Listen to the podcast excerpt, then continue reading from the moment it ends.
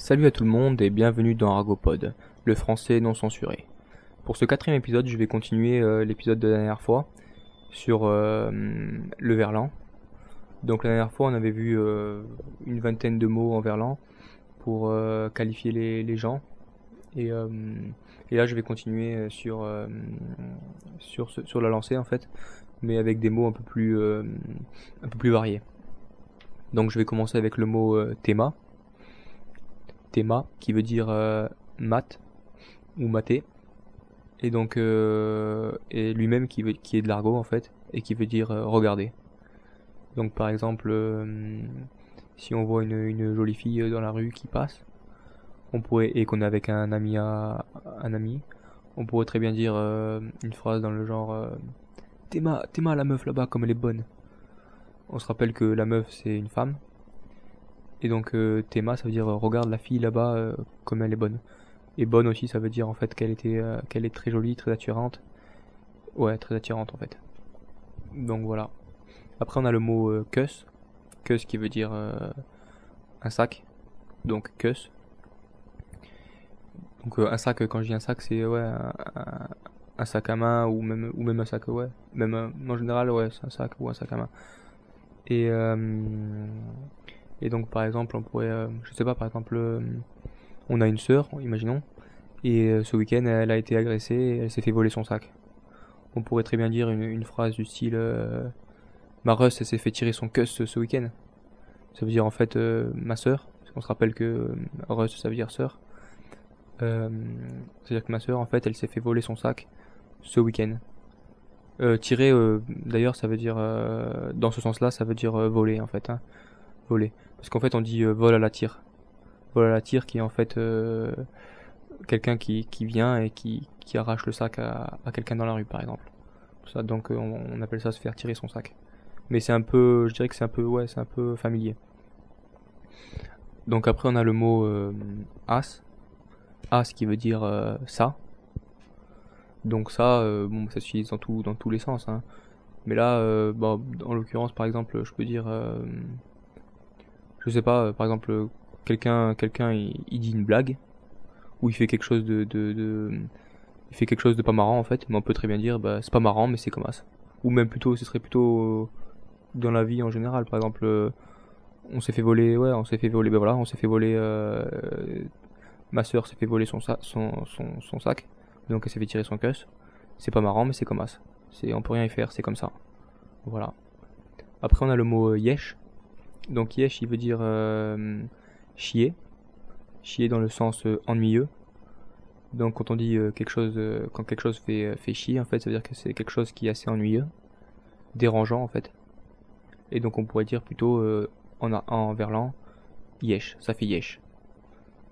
Donc on a, par exemple, imaginons ce week-end on est allé, on est allé au casino, par exemple, et on a perdu, disons 500 euros et eh ben on pourrait dire euh, et on voudra et, quand on, rentre du casino on en, parle à, un ami et on pourrait dire quelque chose du genre putain j'ai perdu 500 euros, 500 euros au casino hier ça fait yesh.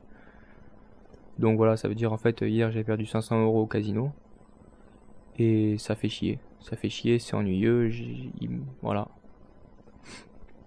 Après euh, donc euh, dans la même catégorie on pourrait dire le genre art.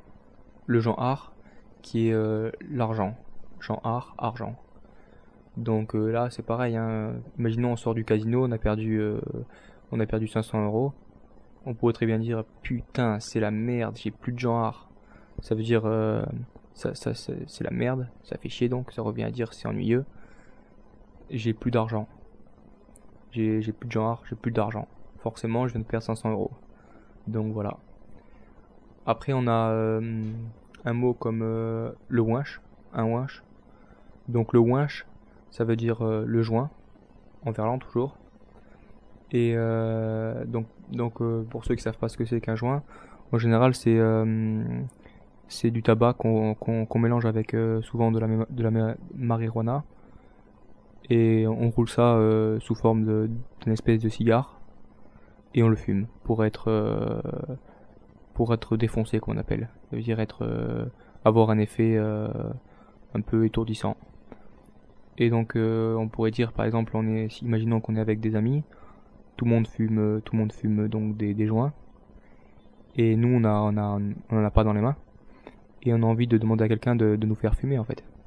Donc on va lui dire euh, vas-y passe-moi le joint, pas passe-moi le joint. On pourrait dire sinon vas-y euh, passe-moi le joint, j'ai envie de fumer là. Et donc euh, donc ça veut dire en fait passe-moi le joint parce que j'ai envie de fumer. Après on a le mot keblo, keblo qui veut dire bloqué. Donc bloqué, je dirais là on va en fait il y a deux sens à bloquer keblo. On pourrait dire Enfin, en fait, non, c'est c'est comme le même, le, même, le même sens que bloquer tout court, en fait. Hein. Donc, par exemple, prenons l'exemple de. de Imaginons, on, on va chez quelqu'un on prend, et on prend l'ascenseur. Malheureusement, l'ascenseur euh, tombe en panne. Et on doit attendre euh, que le, le, mécanicien qui s'occupe de, ou les pompiers qui s'occupent de, de dépanner les gens, euh, viennent nous chercher ou viennent nous aider en fait. Et, le temps qu'on attend, ben, on, est, on en fait, on est, on est, on est bloqué, donc on est keblo. Et donc après, imaginons, je suis resté bloqué pendant deux heures dans l'ascenseur. Je m'en vais et je vais voir mon ami, je lui dis, ah putain, je suis resté keblo deux heures dans cet ascenseur de merde. Ça veut dire en fait, putain, je suis resté euh, bloqué pendant deux heures dans cet ascenseur. Après, on a un mot comme la zik ou la mu qui veut en faire qui veut en fait dire euh, la musique. Donc euh, mais moi j'ai plus souvent entendu en fait euh, la zik plutôt que la zik mu. Donc par exemple on est on est avec un ami et puis on a envie de on a envie d'écouter de la musique ou et on lui demande on, lui demande donc est-ce que tu as de la musique est-ce que est-ce que tu de la musique ou est-ce que tu as de la musique à, me faire écouter? Et donc on pourrait lui dire une phrase du genre T'as pas de la zik à me faire écouter là? Ce qui veut dire ouais, t'as pas de, de, la musique euh, à me faire écouter. Après on a le mot euh, awalpe. Awalpe qui veut dire à poil, qui lui-même veut dire euh, nu. Donc nu sans vêtements. Hein. Euh, et imaginons on est toujours pareil avec un ami dans la rue et on voit une, fille passer à poil. donc nu, complètement nu, sans habit et euh, on a envie de, le signaler à, notre ami quoi. Et on lui dit, on pourrait lui dire quelque chose du genre, euh, regarde la meuf là-bas, elle est complètement à walpé. Ça veut dire, euh, regarde, regarde la fille là-bas, elle est, parce que meuf ça veut dire la femme, on avait vu dans le, premier épisode. Regarde la femme là-bas, elle est, elle est complètement à poil, complètement nue, sans habit. Après on a le mot soirceux, qui veut dire en fait ce soir c'est pas vraiment un mot en fait, c'est plus euh, une expression, je dirais.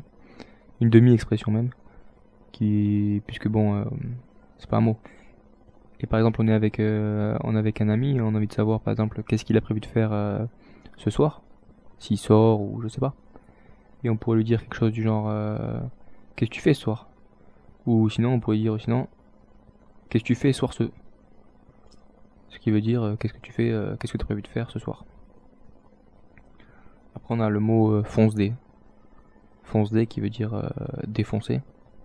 Donc, euh, on dit plus souvent être fonce-dé. Et donc, être défoncé. Être défoncé, ça veut dire être. on dit souvent être défoncé, ça veut dire défoncer de drogue. En fait, ça, c'est implicite en fait. Ça veut dire.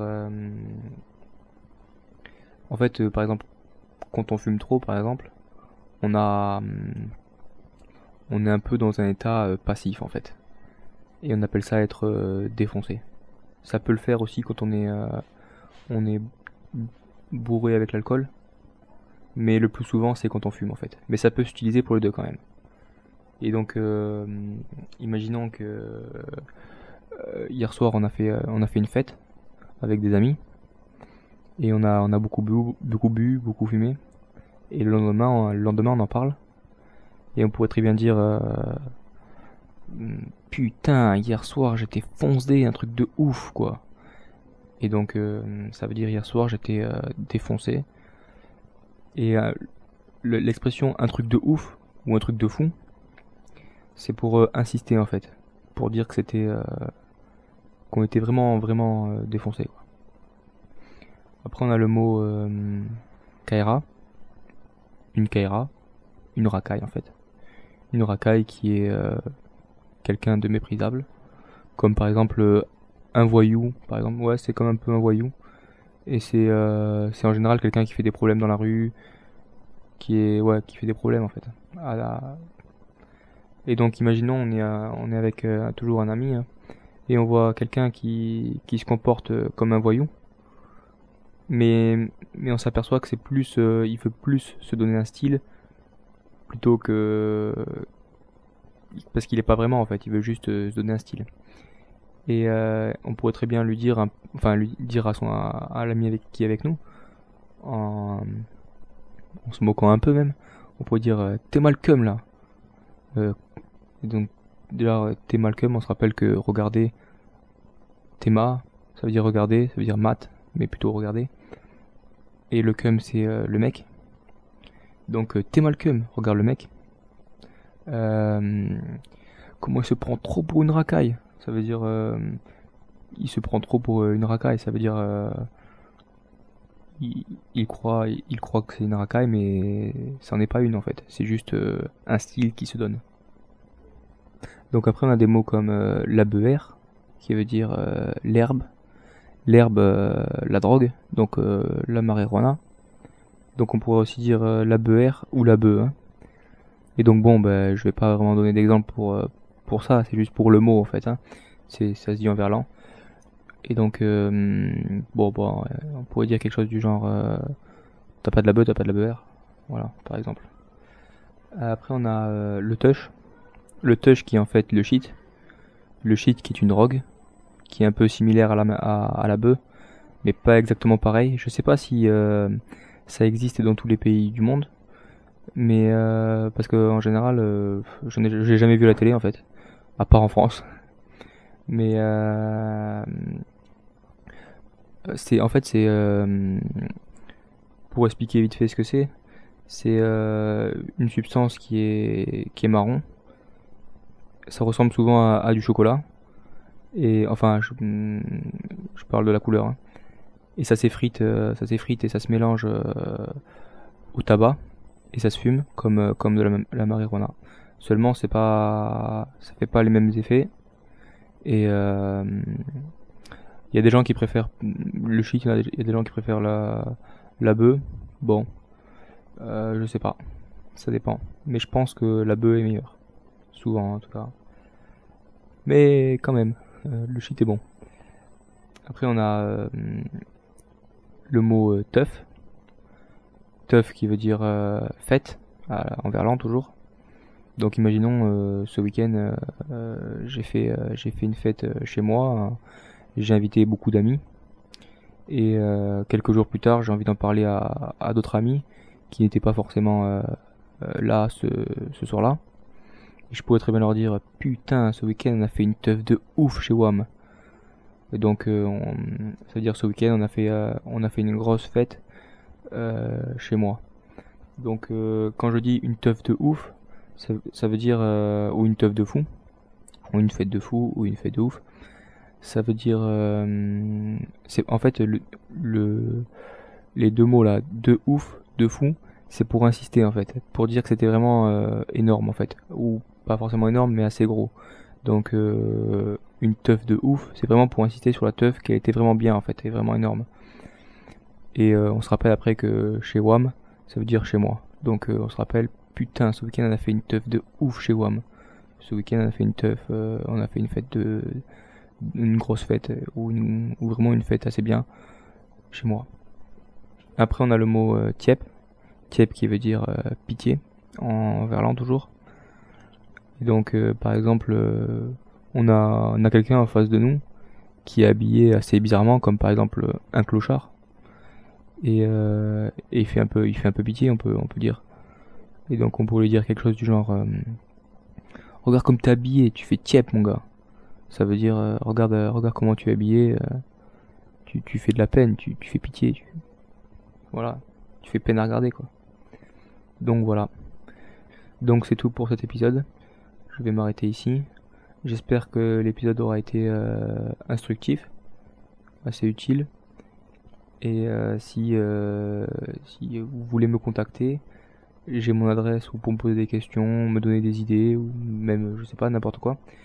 Euh, mon adresse email c'est argopod.gmail.com donc a r g o t p o d g m a i l